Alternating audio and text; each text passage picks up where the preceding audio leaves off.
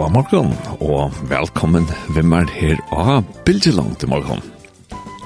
Jeg vil nødt til å ha haft en god morgen, at du kanskje finner en kaffekopp nå og et la en drekkamon og ja, nå at du kan sitte og njota hese løtene et la om du kanskje køyrer at ja, at du må køyre trygt og at, og at du bare hever en god køyretur her som du er. Så velkommen hvem er her av Bilgelangt.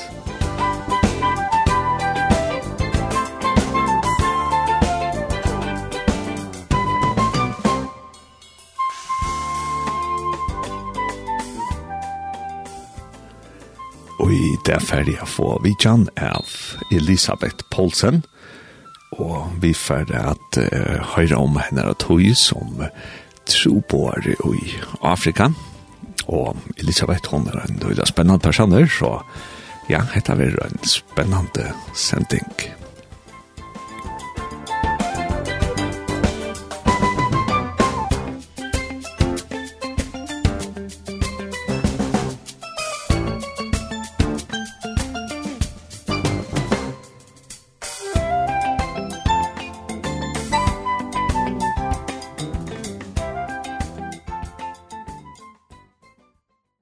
Og god morgen, Elisabeth. Ja, god morgen.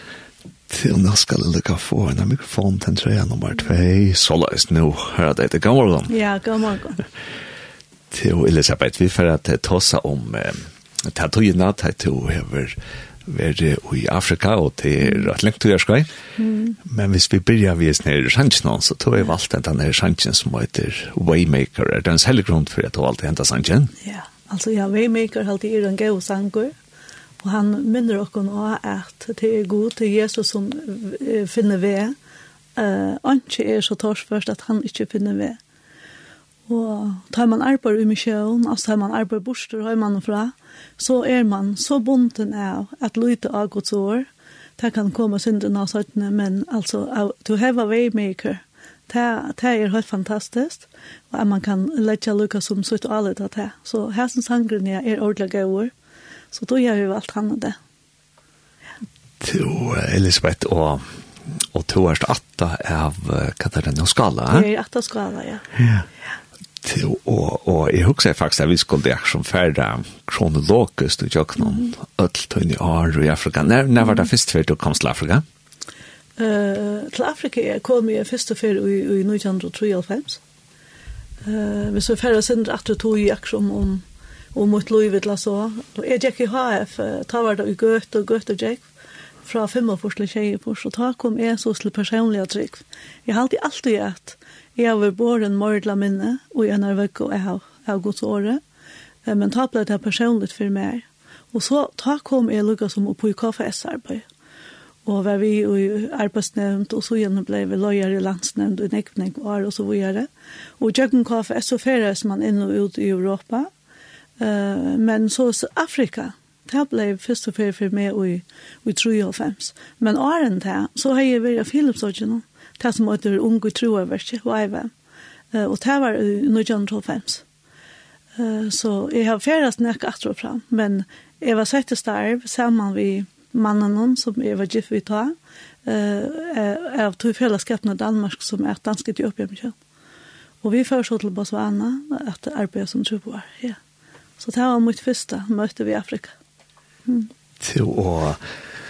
Og ja, jeg, jeg husker ofte om, om okker arbeid, ja, ut fra mm. Luther som sier at at oansett hva et arbeid vi det hava, så er det et kall vi det hava, og god til på en kramat at det er jo noen grøvner som blir kallet bestemt arbeid.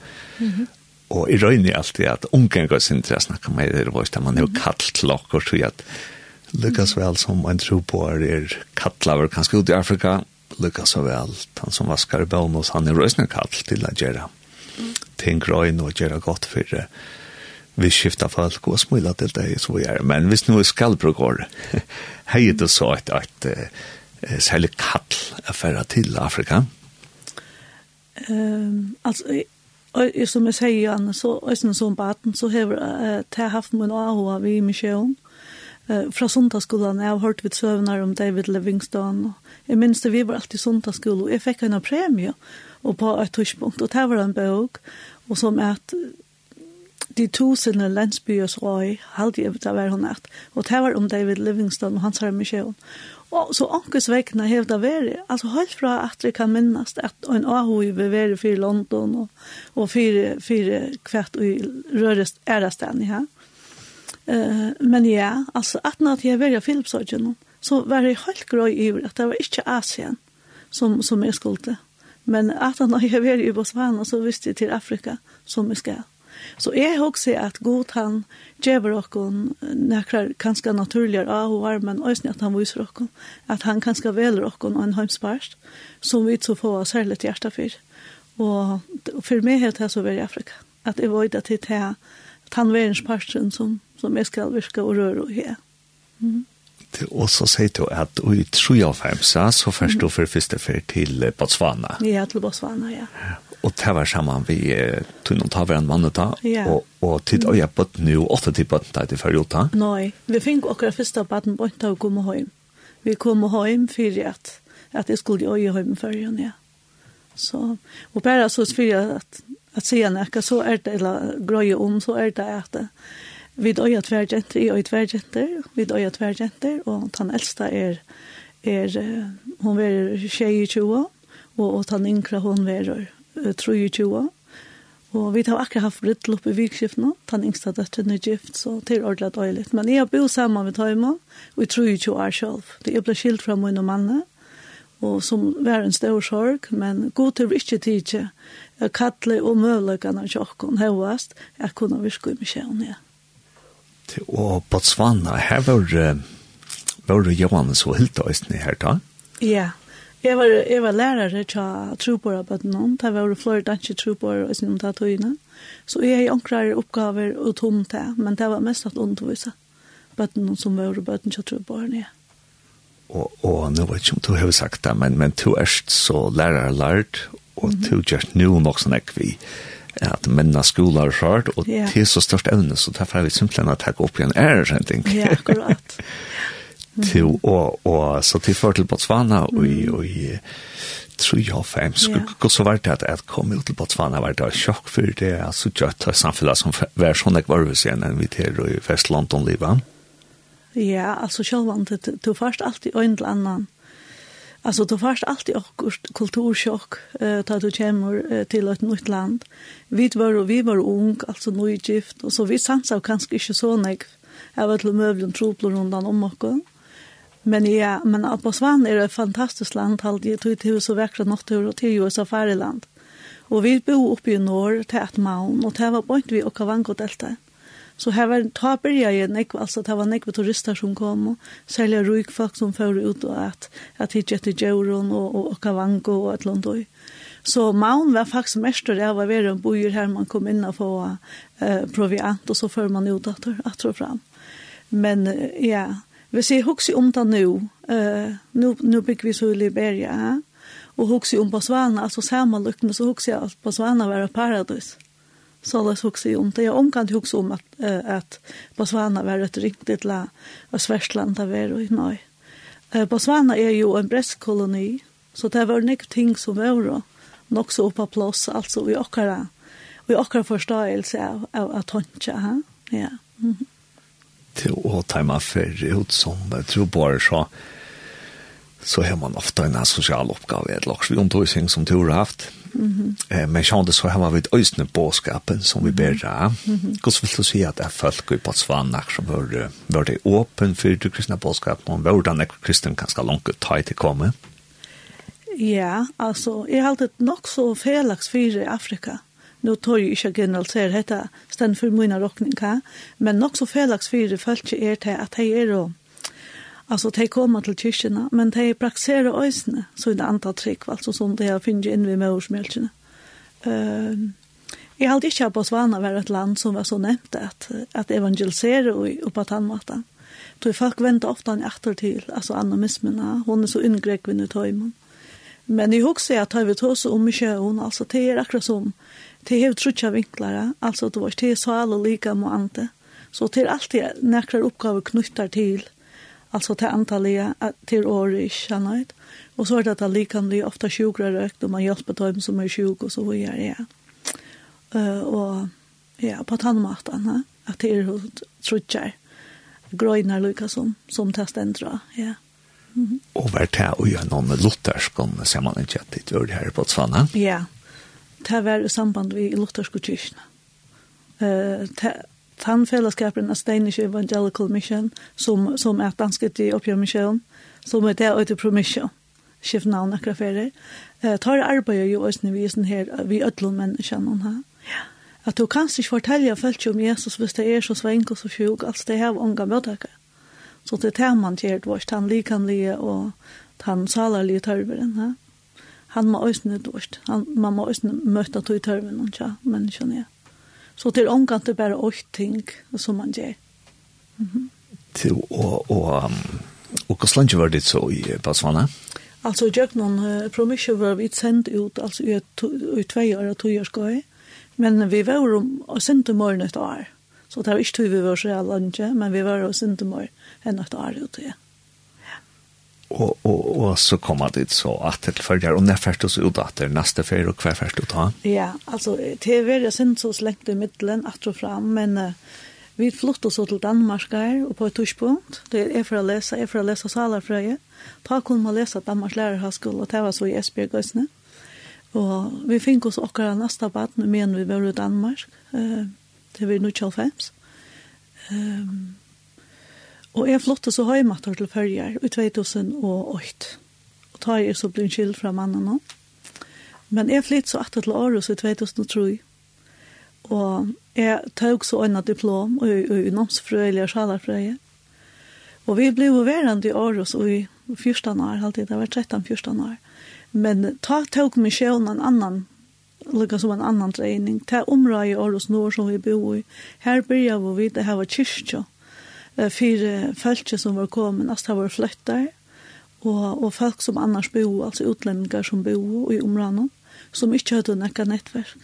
Så det blev alltså vi var limer i Årets Valmanjöd och Årets Valmanjöd hej ett tema som är att alltså vi Jesus alltså fyra år och så och Og jeg minnes har vi flott ut leta og når området at jeg husker ikke at jeg heter for et område tror jeg at det var faktisk en gett Uh, men god brukte så til at loja fram nærka vi at vi skulle nå arbeida vi hos menneskene noen til det heter Stauran Tørv. Og jeg byrja så sammen med en danskare familie som blir okkara gode viner så til arbeid helt av i nesten en 20 år og vi flott oss öll fra områden at vi på et tushpunkt men ta vår ødles følgjene kom inn i kyrkjelig sammenheng onker for kyrkjene onker ble løyter til onker æra folka og så videre Så det var faktisk et utkantsarbeid for en nektronkjente mennesker. Men det ble akkurat som Østnjansåren, sosial institusjon.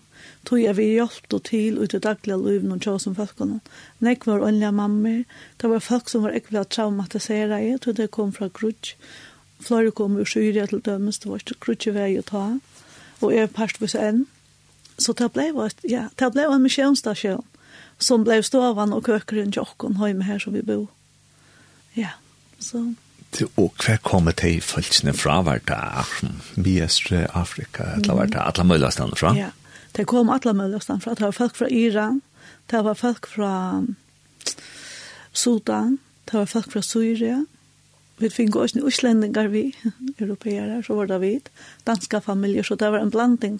Halvtid har vi vært mest, så var vi nødt til å i nasjonalitet. Ja. Så, ja, så det var også en kyrkja. Ja og, og, og opplevde tid også at, at folk kom til trygg? Absolutt, ja.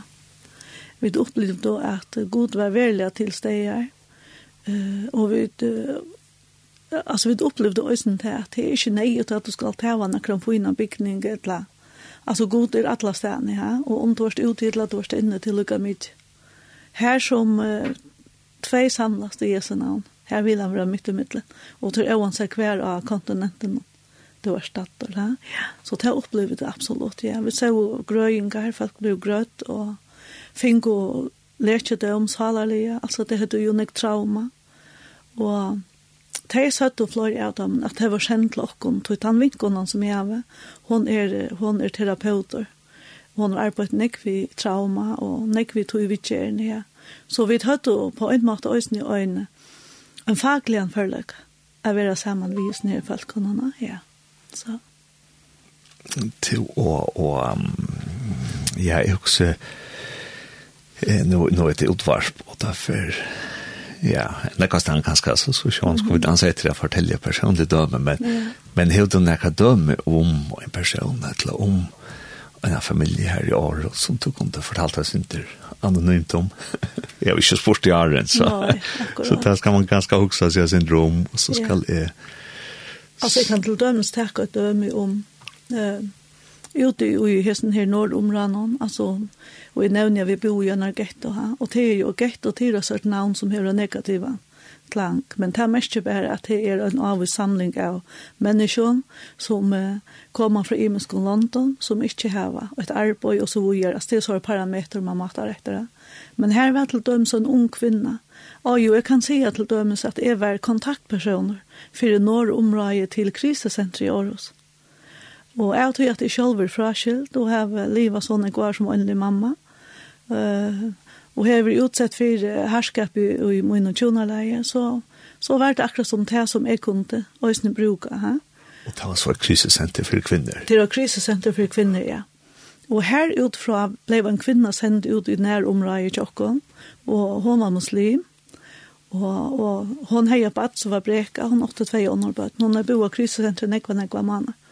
Men um, jeg ble så kontaktpersoner for henne. Det var ikke så en nem oppgave.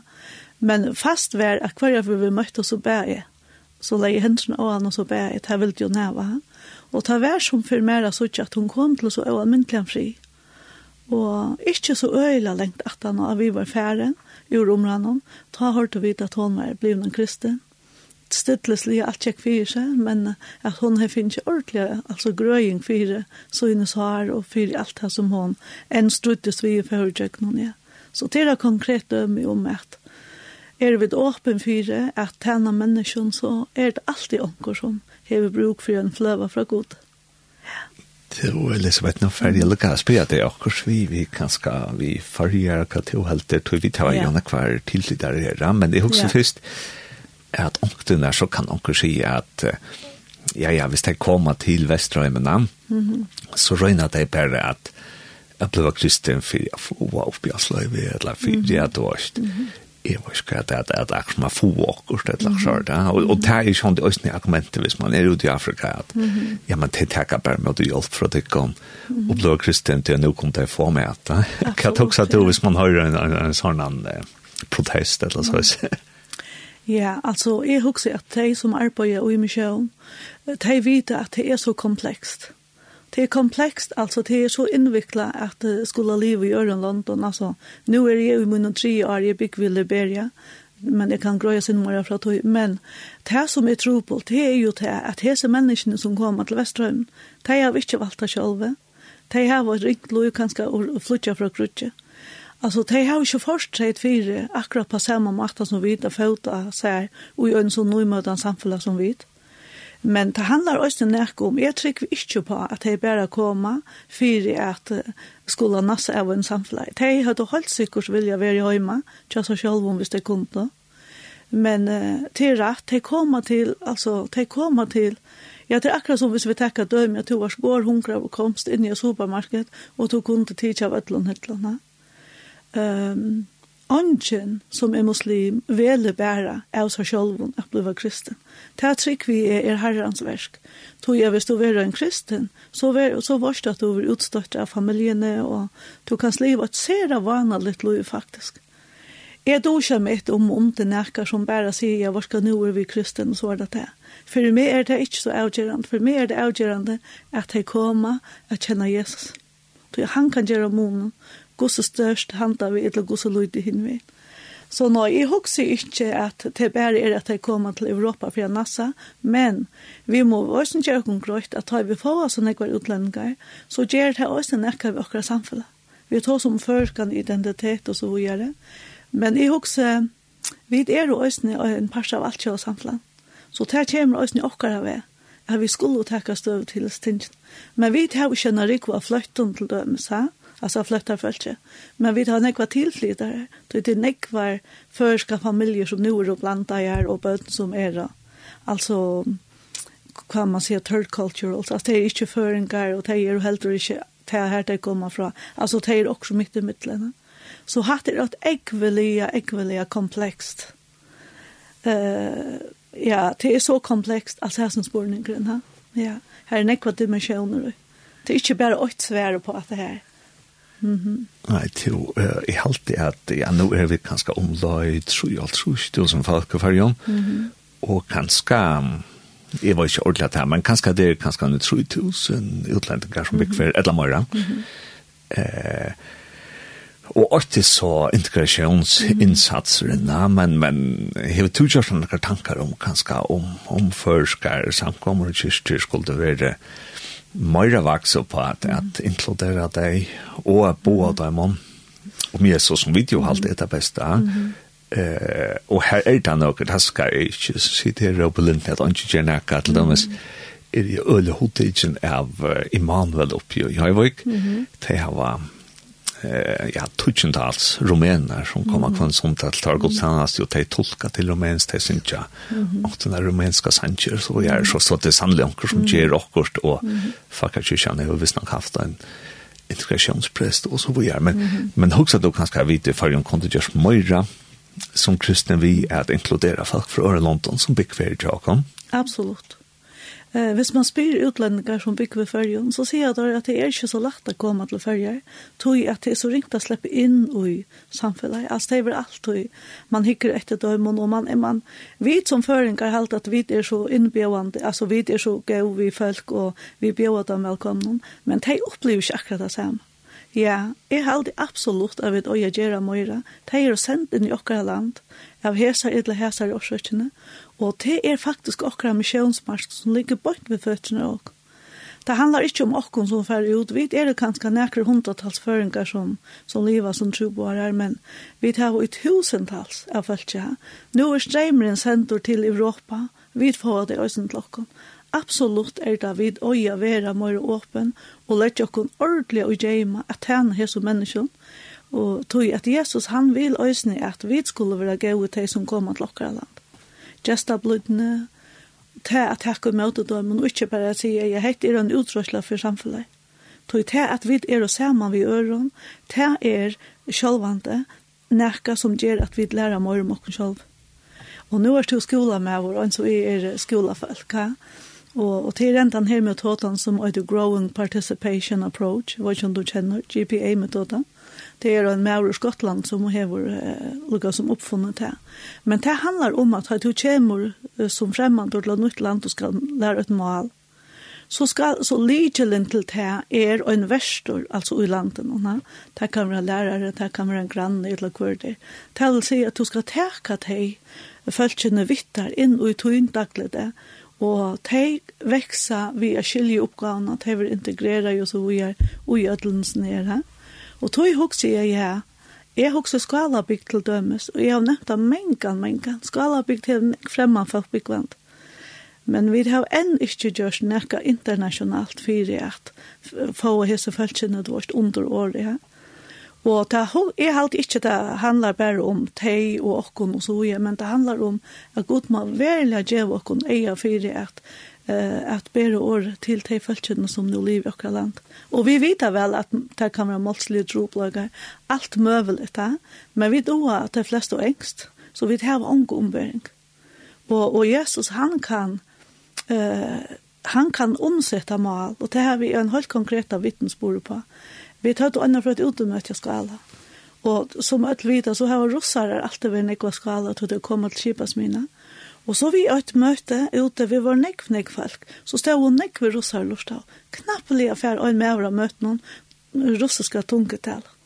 Og han heldur, altså han ber en båskap langt tydelig og grøye til russarna her. Og tar stand at vårt og få etter her alt vårt inn vi så normal.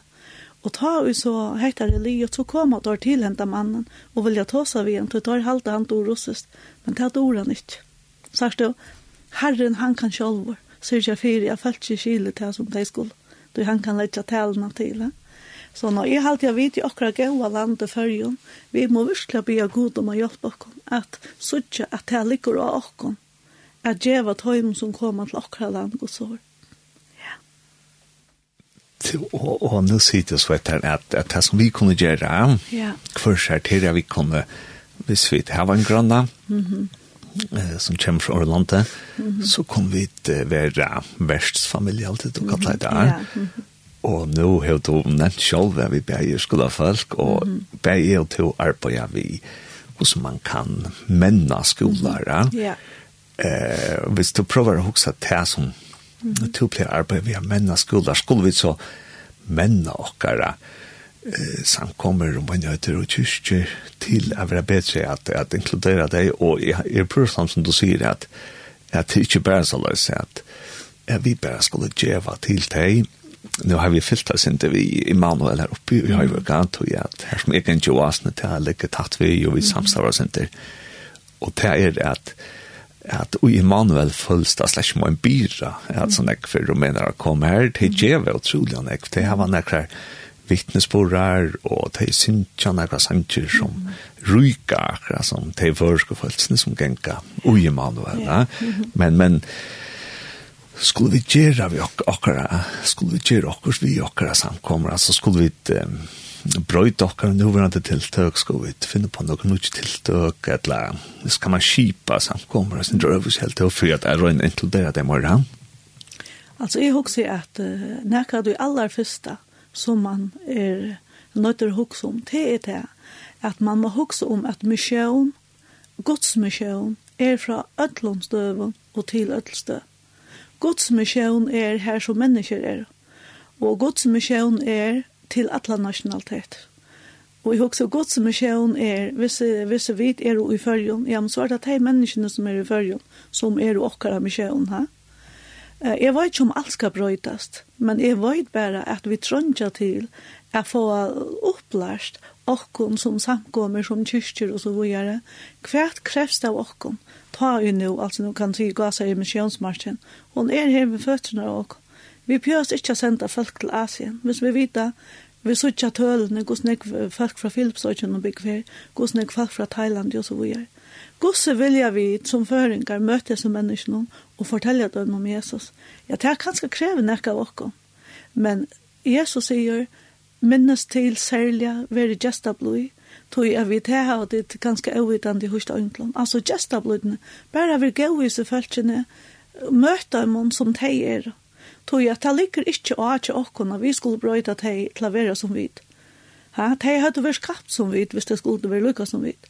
Men jeg halte jeg som kyrkjer og samkommer må vi vite at han tøyen som vi liv og hun krever, at vi hoksa, altså at vi vilja lære oss om misjon.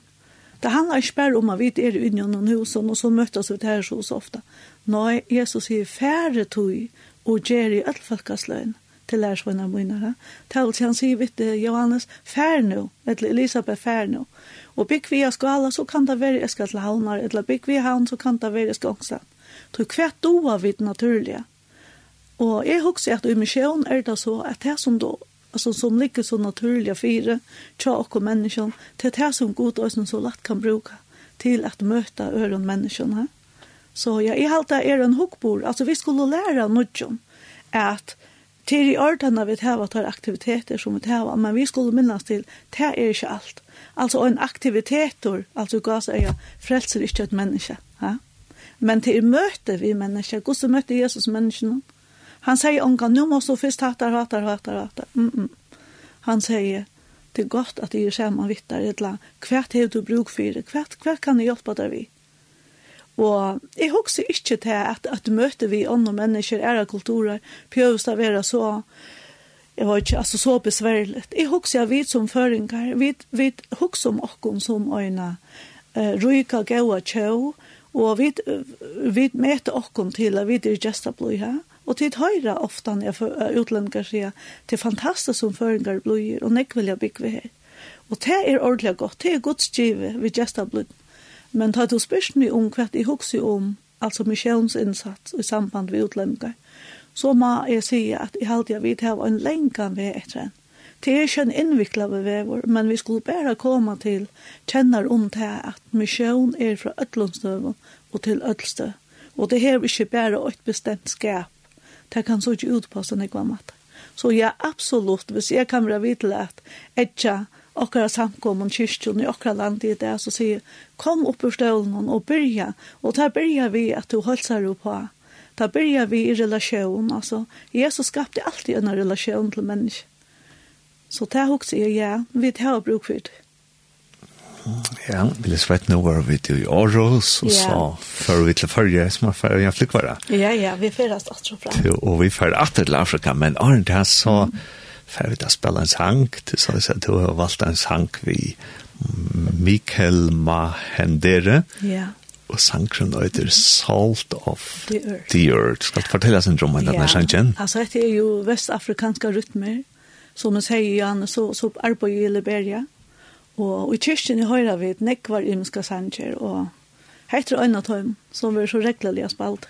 Og, og heter en lukka som en sånn stafesting og en proklamering. Ha? I am the salt of the earth, I am the yeast. Altså han sier, jeg er det salt. Og det er Jesus sier, tid er det salt, jeg er her. Ha? Så her sen tekes hangen opp og sier, er det salt, er det tagjere, det var som hevar og brøyder høymene. Ha? Ja, så lett å bare høre her.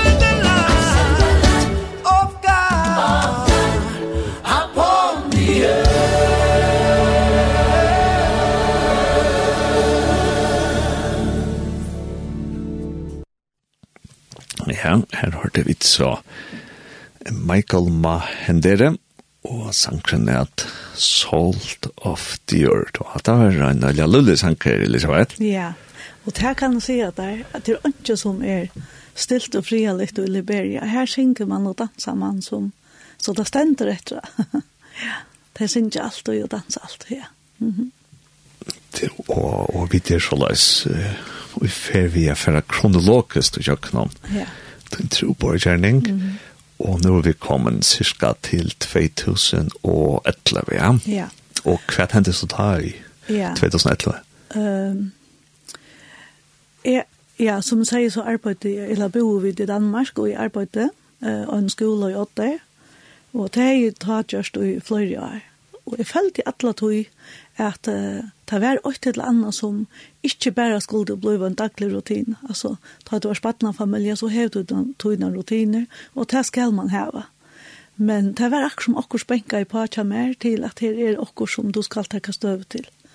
Og jeg gjør så til om sommeren at jeg førte til Italien, jeg førte til Assisi, og jeg bor i en klostre, og jeg var sammen med øynere kvinner som jeg arbeidde vidt. Og jeg får faktisk for, man pjøser ikke for at lasses, altså, god er akkurat her som to er, da. Men eh, mine bøtten får å høyma vidja omman og appan og fyrja, og så fikk jeg løyve jeg for ferie, og jeg får kloster. Og gav meg øyla, altså det gav meg nek, jeg kunne hava enda frien fyrir pura bortstå fra, og ikke for fyrir halte til alt mulig. Og jeg, jeg kom til ta nye støv og ta jeg så kom høyma at jeg skulle takke farla i et år fra starven som jeg hei. Og jeg får så gjerne, sammen med døtteren min, til Etiopien, og jeg gjør noen eh, permission. Og jeg får så arbeid vi undervisning i Addis Ababa, og, ja, og her var vi så i Nekramaner, vi var før jo Nekramaner, eh, men her lykkes som byrja i Etiopia for meg. Ja. Eh, og vi, vi flyttet oss å ha hjem til førjer, i 2000, og halvdet det ble 15 eller 16, minnes det kjørtelig, ja Nei, jeg håper jeg nå, hva tar vi 22, hæ? Ja. Og i 2016, så ta er jo førjen, bygg vi førjen, og ta stående i sammen vi øren med kjønnsfellesskapen til Afrika. Og til Afrika og i det arbeidet vi flest verskatlanen og i Etiopia. Ja. Og hvis vi lukker færre her til Etiopia, det er du kommer ut her, hvis vi lukker takka geografien, er det ikke rannsdagskur i Afrika. Ja, til Estor-Afrika. Og er det tatt vi på Svanna? Ja. Nei. Botswana er, til, er i Sur-Afrika. Botswana ligger i landegrønser til Sur-Afrika. Uh, og Etiopia er øster og Liberia Vester. Akkurat. Mm, ja. Til og hvis vi tar gatter kanskje så et der, altså kvært økosamfunnet er ment her og om til Botswana, hva er det som moderne? tog botsvaniska samfunnet og så tog etiopiska at du kommer her?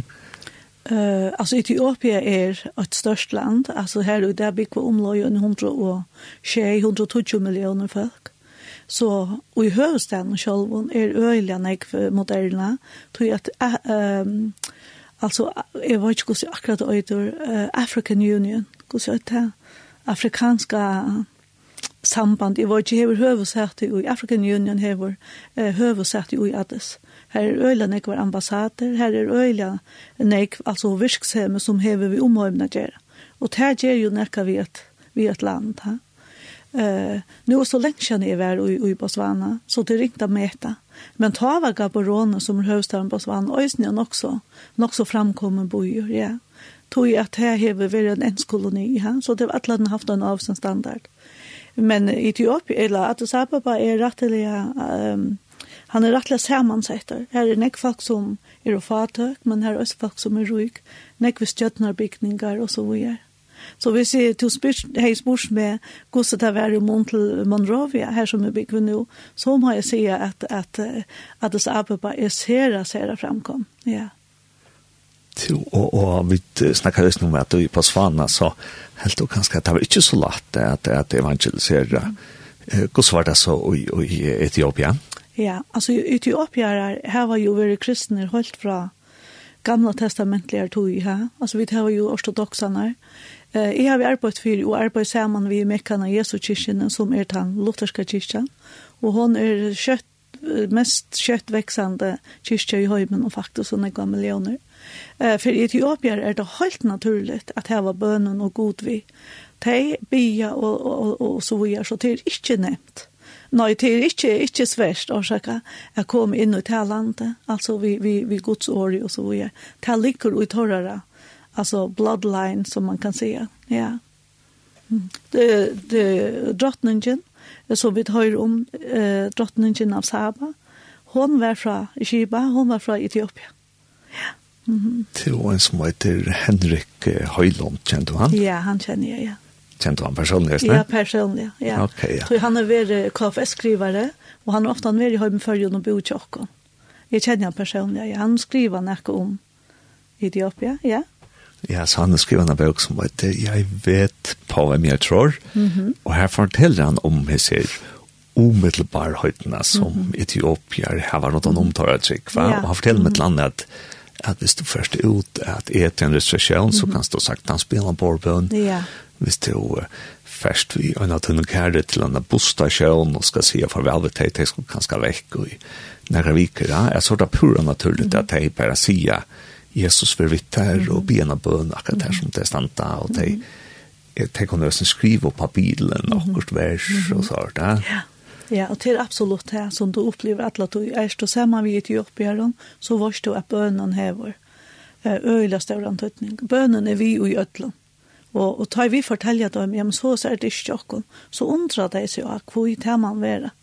Og de halte vi til å fornøye ting som takker fokuset fra, fra ha god det her, ja. Så. Til, Og, og hvordan landet var det så her ute i Etiopia? Ja Ja, vi var ikke så langt i i tog omferdene, men det ble cirka til, altså for meg var det et halvt år. Men i undervist, altså kyrkjan hever oss av en prestaskola, og det som i nekken øre London er at de unge do ikke så vel lengst. Så man heier sånne, altså tja, jeg vet ikke hva så søyder, tja lester, og man kunne få enske undervisning. Men jeg arbeidde så som rådgjøver for nekken av de unge, til større tro på løgjen til at høymen som kommer avbygd, altså ute av landet og fra. De får jo størst kultursjokk til at de kommer til lattes. Så det er en helt annen være.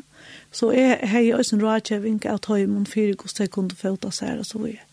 Og har nærmere til, til um, eksamen. Ja.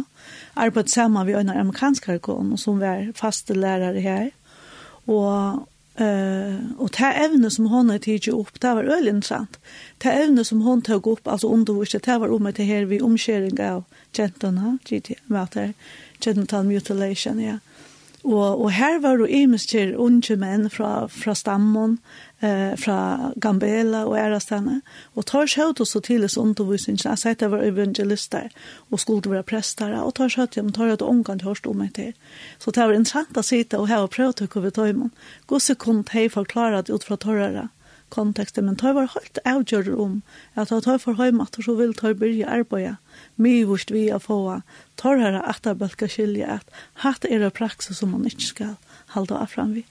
Så man møter mengod i mennesken, ja. Mm -hmm. Til og å ta vår så boar dødsene, ja, boar dødsene, ja. Nomi som tar blei vår Hon arbeidde av til Odi My Sisters. Det er en norsk sjukrasister som har stående, eh, en organisasjon som Odi My Sisters, man kan finne til han etten. Og det er sånne små badna gære. Så hon arbeidde her. Og, og Miriam, min yngste, hon gikk av malskola og lærte amharest. Um, så hon var i skola kvendt for jeg lærte det her. Og, og til så til maler man tås her i Etiopien? Ja. Ja, det er nekk mal i Etiopia, men amharist, ja, det er et av høysmalen, ja. Og då rundt er det det? Alltså, tar man era malskolen ekstra månader så fär man näka vi, men kanske inte alltid høyla, Ha? Nej. Så hon kan inte, inte ta seg rägen, men vi då inte maler rägen överhuvud, men vi då onkra setningar och så, ja. Men det tar jo ju ängst, och i, i Etiopia. Så vi hjelpast vi ängst. Och, og så är det cirka et halvt år her i Etiopia. Ja. Og hva hendte sånn? Ja, og så fra vi til Høymator, og så er det tog jeg ventet nøsten at til følger, uh, og vi flyttet så høym. Og mina tog jo i Etiopien, altså jeg, jeg kom og fjør nekra ferier, og hon hei bare vurst meg av at det var store tørvor uh, i middelenfeltje og så videre. Og så igjen ble, altså jeg opplevde jeg god løye med til at stående fellesskapen til Afrika. Til Afrika er en misjonsfellesskap som har til enda måls at sjølvand jeg bor hos år, men også når jeg hjelper kvinnen, bøtten, ungen. Og tar man arbeider i Afrika og Øreland vi, så ser man ofte at det er kvinnerne som strøyast, de unge har ikke noen chanser. Uh, så det er det som, som den Afrika bestående på. Uh, og det er så akkurat som man søver for seg Så jeg er ofte inn og ut. Jeg dår ikke til jeg så ofte jeg har vært, men det blir til nekv, nekv år og, ja, og nekv fering at og fra. Mm -hmm. Og, og Armin Feldga snakke om, mm -hmm. om det, så, så vil jeg presisere at, at faktisk løtene er på et og fire tver organisasjoner, ja? Ja, altså det er så løs, jeg har nevnt det før Johanne, at jeg er bygd ved arbeid i Liberia. Jeg er i ugjennom sottmålet, og det er vi promisjo som fyrir var danske Etiopien kjønn. Det er samme fellesskaper som jeg arbeid fyrir i Bosvan og Etiopien. Og det er spurt om meg fyrir i 2018 om jeg kunne takke en helt konkret oppgave fyrir tøyr og færre til Liberia at arbeid og til evig skoleskap. Og til evig luthersk og kyrkjene. Så i det bygger vi og arbeid i Liberia – Og jeg arbeider som altså, teachers trainer, consultant, altså i rådgjøve for lutherske kyrkene og i Liberia, som hever 30 skoler, som er rundt om spjatter i landene. Og jeg har skøyve lærere her, og rådgjøve kyrkene og i skolemalen og så videre. Uh, ja, så det er faktisk mye faste arbeid. Men Tan Afrika er øsne, og en pastor er, altså, er løyere for Tan Afrika, og vi er jo en tru man har nevnt, kan kanskje nevne Fruja Petersen og Fuglafire, og Paul Adrian Poulsen og Havn, vid, vid manna på den Afrika. Men flest av verskatlander for den Afrika er, er i Etiopia. Og i her som tøyen er krutsk, uppe i norra parti og i jar finner vi akkurat av vita at han boiren så vidt av haferskatlan og han er bomba vår så det er jo syrkjeligt at det er gong såles fyr men man kan finna til en Afrika i Facebook hvis man er hova for inni hitja og Og det er bare tæn Afrika. Og det er lukket som en sånn åpen bølg, som man kan hitja hvert gang fyrir seg her. Men vi tar verskatlander, hvis vi stort skal sige. Vi tar verskatlander, vi, vi stol øyne og badnagere. Og i Atlas er et område som heter Coca-Cola, det er verksmene og Coca-Cola. Og ut i området, det er faktisk en også større slum. Her er det hundra av oss av mamma, som selja seg sjølvar om nattena, bygg for blikkskuren, og så lytja bøttene i ønsamhetla. Mm Og det hendte så at bøttene var misbrukt, og bøttene dodja, og ble borster og så videre. Og en fellesskap, en, en eldre kvinne, vi kallar henne en åndje, mol og fikker og etter henne, hon hever stående og en badnager. Og vi gjalda det, altså vi, vi gjalda kostnaden for at man kan heva en badnager. Og akkurat nå er det nøkker fjøret til bøtt, Og det er færre så vi er sjølvand i skolen, og her har vi tjejer alt som er færre når bøttene gære, og i skolen. Og mammen er, der kommer at det er alle bøttene i morgenen, og bøttene får mat, tror jeg for om det, det er å vaske, og ta til kom, og så får det røyne klær, Og så færre det gjort høymen at det var ikke sin egen høymen at. Men mammen er færre marknaden å selge, tror jeg man har lært seg om sånne mikroøkonomi, ja, sånne små lån og spærekassa modeller. Ja. Så og i hundrad av oss av familjen vera hjelpta i djøgnen til. Det er fantastisk. Og leier der koma mammer sjálvar og få undervisning om hølse så om til at takka seg av sunne bøtten og at takka seg av seg sjálv. Ja. Så det er spennende. Vi tar oss, vi, vi tar oss noe drønge høy. Vi arbeider vi organisasjoner som er jo her langt. Og her er jo nekve drønger og til gøtebøtten. Altså vi arbeider ved å få bøtten av gøtene. Mm og gjeva dem møvelaga fyrir få et, et høyma byggvøy, og, og så øyne gjeva dem mært. Vi betalar for mæt uh, tja bøttene som øyne er i skola. Men vi gjør alt det samstarve i ære organisasjoner, etiopiskar og til ære organisasjoner i Europa som øyne arbeider. Altså vi er en parstre av en arhøyta. Ute i Irak er det til Estor, uh, sår till sår i Etiopia. Här stolar skala kyrkja vid kyrkjebygging. Uh, og det er også noen søver for seg, men det er området. Altså, vi tar ved i råken ekra fer. Og en morgen tar vi skole her, til en prester som er gessa og bokka. Han, han sier Lisbeth, vi skulle tann og tann veien. Og så sier vi, hva gess? Og i morgen sier god, vi skulle ikke handa veien. Og det er jo kanskje så overforståelig for nekra. Men jeg følte bare, hva skal jeg skulle ikke handa veien? Jeg skal en annan veien. Og han sier, vart du kvart, hvis det er så, så gjør vi det. Og så sier, og vi køyre, og vi køyre, og vi køyre. Og så stekker vi et sted å eta, vi tar banan og breivi. Og vi hører godt at kvinnerne her tilbyr, at vi her tilbyr man støyner og andre. Og oppi under fjallet genga de opp og fra smør og sart og blåan. Og så sier han, hva skal jeg spørre, «Angen europeer hever vært nekkene til her». Jeg sier, jeg vet ikke hva dette betyr, men knappelig å komme av en medvår og en sånner. Og jeg som mæren sier, jeg er, er så sjukker, så spyr presten, skal jeg be for deg? Ja, sier han, det måste du gjerne. Og han ber så for henne, og presten sier, så tok han fære til te og ta bygdene. Du her er det noen folk som kunne fortelle deg mer om Jesus. Og i det, altså man kan sødja hettar av Facebook, bråte ligger her, her der vi bie, og her er så boka forteller.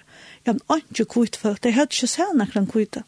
Og så kom jeg, altså hetta sier noen god, Jeg kom til et område, jeg skiljer ikke til. Og de standa bare hyggje etter mer og halte etter holdt omtale av løy. Men i det er jo i beskjed hundra folk kom til frelse. Og det handlar ikke om meg, jeg visste jo ikke om etter her, men så boka, har hever sjálfur vært i førje og har fortalt henne av vittnesboren, og, og Emma og Klagsvik. Så hatt er til vi gods misjon fra öllumstøvun til öllstøv.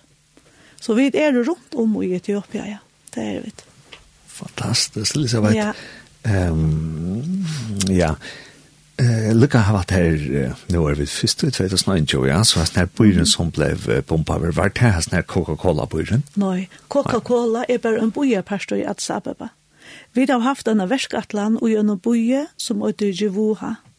er at herna var hernavarligt strategiskt økje uppe norr i Etiopia, men til oppe i norr og økje noen vi til grei, at det er så nekve bare det er middelen eh, fralses, alltså mittelen regeringsna, altså eller herren, och så upprörsta belkare.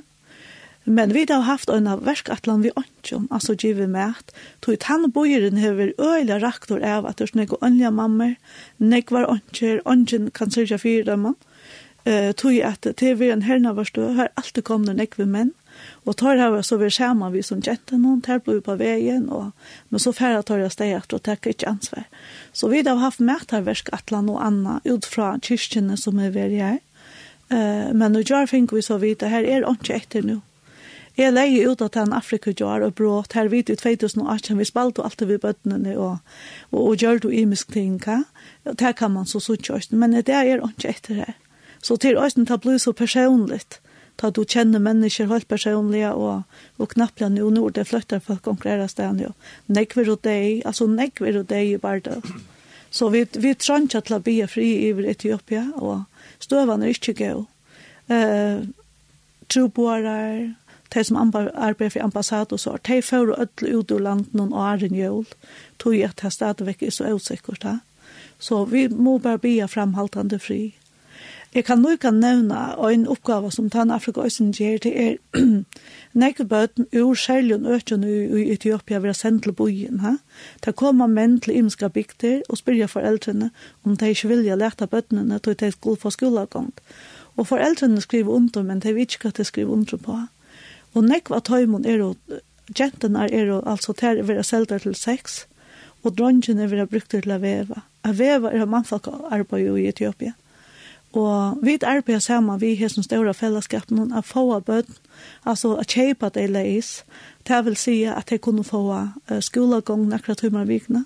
Det får lov å sove og kvile seg, og det får mæt. Så, og vi lærer det å skrive, altså, ja, og lese. Så det er de større postene her. Jo, Elisabeth, jeg har tog en hånd, flyr bra, kan? Ja. Og nå får jeg at det sier at det er en lenkan en, enda spørning. Hvis du vil ta vatten eller kaffe, så velkommen å få den, ja.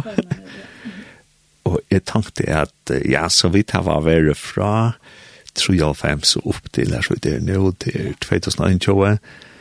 Og det var at det er, skal jeg råkne, det er 80 år, eller um, ja, akkurat. Og så var vi, vi tar vært fra vi tar vi fra Botswana til Aarhus, mm. til Følger, mm -hmm. til Etiopia, mm. -hmm. til Liberia, så har vi ikke nevnt Sur-Afrika, men det mm. får vi stå til. Nei, og, og Philipsøkene. Og Philipsøkene har vi også nevnt, ja. ja. Mm. -hmm. Til så også den sørste punkten for å se det der, det er hva til vi har lært, og da har jeg at du har haft et utrolig spennende løy, og det har du stått vekk, Eh, hva har du lært om etter vi at være ute vi misjon og arbeide vi misjon? Hva har du lært kanskje om til sjølva? Hva har du lært om så, geografi og kanskje mer at du har lært litt? Mm -hmm. Og så er det kanskje hva har du lært om god utgjøkken du ser nesten 30 årene her som du mm. her finnes, finnes mer eller mindre vi misjon at la døgnet. Ja, altså, jeg halte at man lærer nekka kvønte um, tar du flytet til et nytt land og skal til arbeid, det krever nekv. Det krever nekv orsko av det personlige. Det krever nekv av at du skal være uh, før for at omstille det. Uh, men det er også nye. Ofte har jeg følt å huske, å, tro på det, det er så eksotisk nekv. Men verløgjen er faktisk han at det er et øyelig strave felt av Jeg tror neien er så stor. Um, Jeg har lært her om god at han er til å lytte. Og jeg husker jeg her versene i Filippe Braun og fyra tjej om at jeg er gleder at ikke, altså glede i herren han her, til at her, at her er veldig og ting som vi må sette og kom fyre. Det er at om vi ikke føler at vi er det fysiske, til nek sorg vi er våre borster høymannen fra, til nek du misser at du som annars har familien til, eh? Men det her, jeg sier, jo, hva skal glede, glede, jeg skal, det kan jeg glede meg i herren. Det har vi lært. Men jeg har også lært at god er her. Han gjør ikke alt det svær her og nå, men han gjør alt det svær. Jeg har alltid det jeg har lært nekv av, det er at man er nødt til å passe vel på seg selv. Høyma tar vi det i følgen, men alt er så rannet. Altså, jeg tar ikke telefonrør, og så ringer jeg til hendene og hendene, og jeg får fætter og er jeg sjuk, så kan jeg være til en lakne. Er jeg sjuk, så lover det meg å komme sjukhuset. Men så løs er det ikke ærestaden her som man bor. Og nå bygger vi i Liberia, og her er så absolutt ikke som øyde gøy sjukrehus eller nek. Og og blir vi sjuk, ja, men så skal vi vite syndrom, om hva skal det så selv gjøre her. Men jeg har lært til at god han er her, og god han helder alt møvelig fra okkar at hår. Altså, men jeg har også lært at jeg kan ikke, ikke, ikke, uten jeg har vi Han er nøytter til å genga framman for allan samla vegen, tog vi møta så nekvare nei, og man er så utsetter for tog som øyder second, altså sekundær traumatisering. Er sammanfølt ikke alt som er sveng, de er sjuk, de er nøyerslig, hava åpen sår, mangla alt, de mangla alt. Og ta terer på okken, som skulle være om det ja. Det er alt i okkurs allan dagen, bæði dag og nått så bænkat av horn og folk standa ved horn og bia, og man får hettar og hattar og til bruk for, og man blir så høyt forferdelig med ord. Så jeg har vel lært at jeg må passe vel på meg selv, og til først og fremst er jeg var tydelig hos år, og til først og fremst hava å bia og reflektera i hvor ok god, hva skal jeg nå i det? Tog at krøvn er så stor, Og, og jeg vet ikke om noen annen kjenner det som er mye, men det er ofte en forventning. Han er ikke sagt 100% i åren, men man forventer ofte at ta i, man, ta, ta i vidt som kommer høyen som er tro på, så skulle vi være her og der og alle stedene og fortelle og gjøre og det var ikke. Men, men altså, her sier Arne har lært meg, og kanskje det er sørst da, uh, Arne og Michelle har lært meg, jeg er nødt til å fytle av. Det er antallet, eh, alltså och personliga. Är nöjd till att passa på mig själva, tror vi blir inte vi halta till så stannar uppgåvor. Och ett anna som jag har lärt det är vi ett liv akkurat som ett två må vara. Ta er i färgen och så inte folk köper större jollakar, alltså, alltså det brukar var pengar, alltså. Man blir pura för ångång. Mm. Til oss når leksja lær, ok Lisbeth, nu er du i fyrjum, altså. Du var du hever rett til det som høyre til tannparsten av er i. Og du kan ikke være øsa dine ånder til at de bruker pengene og på en annan måte. Hatt er bare en ting. Jeg kjenner at vi er ute, så er vi bare alltid så større nei. Altså, ser man, vi følger jo større nei. Og tar vi til hjemme, så kommer vi til iverflå.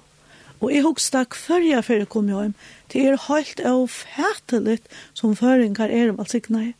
Altså, husene er så større, alt det materielle er så største.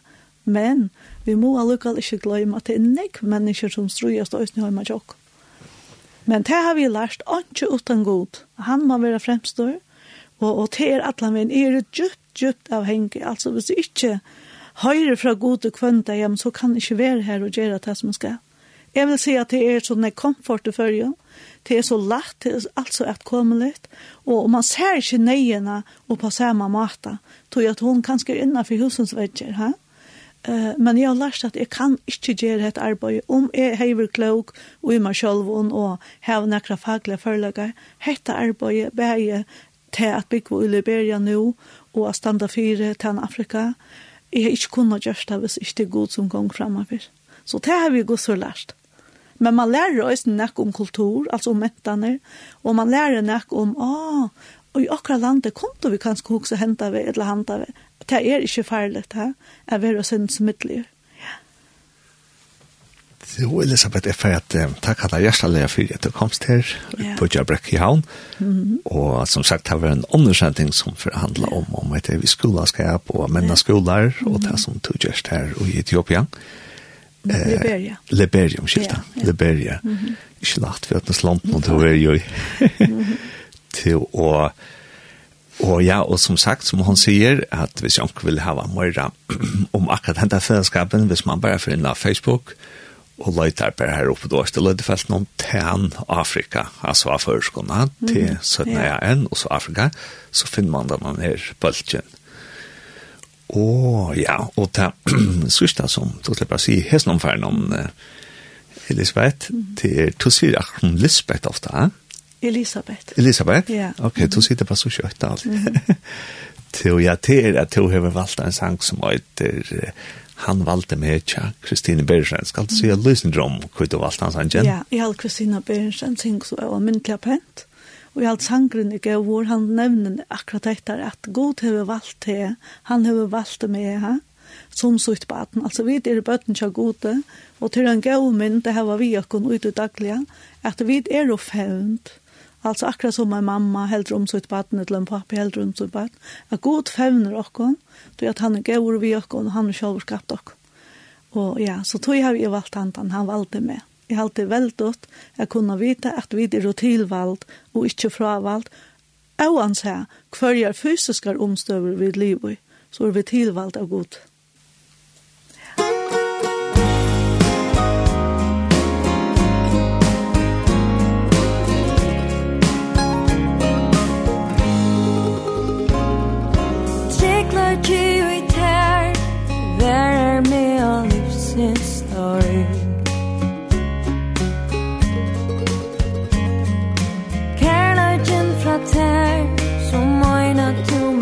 levar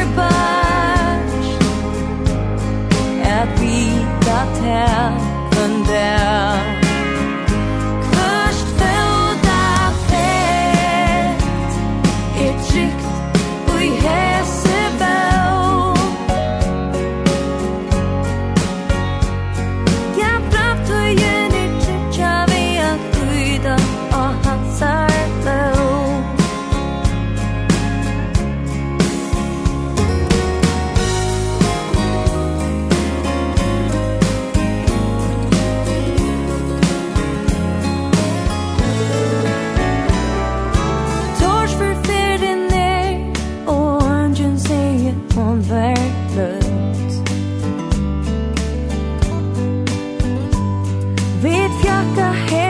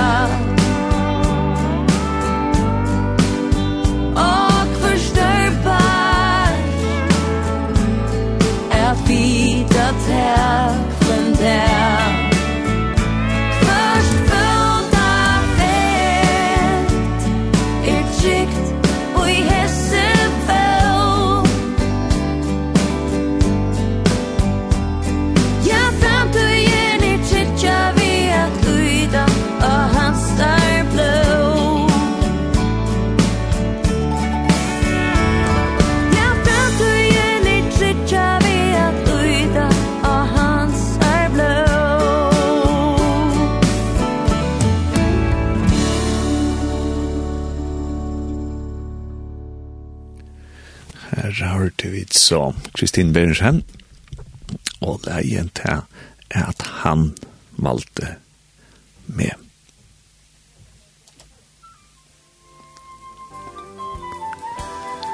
Ja, og dette var så enten, enten av Apeltje langt i morgen. Og hvis du heldur at dette er ganske jo ei spennende, og ikke fikk alt vi, så kan du lortet i kvöld klokkan 19.30 etter klokkan 4 i natt. Så jeg ikke der bare en gående framvis. Vi er sånn alle. Bye bye.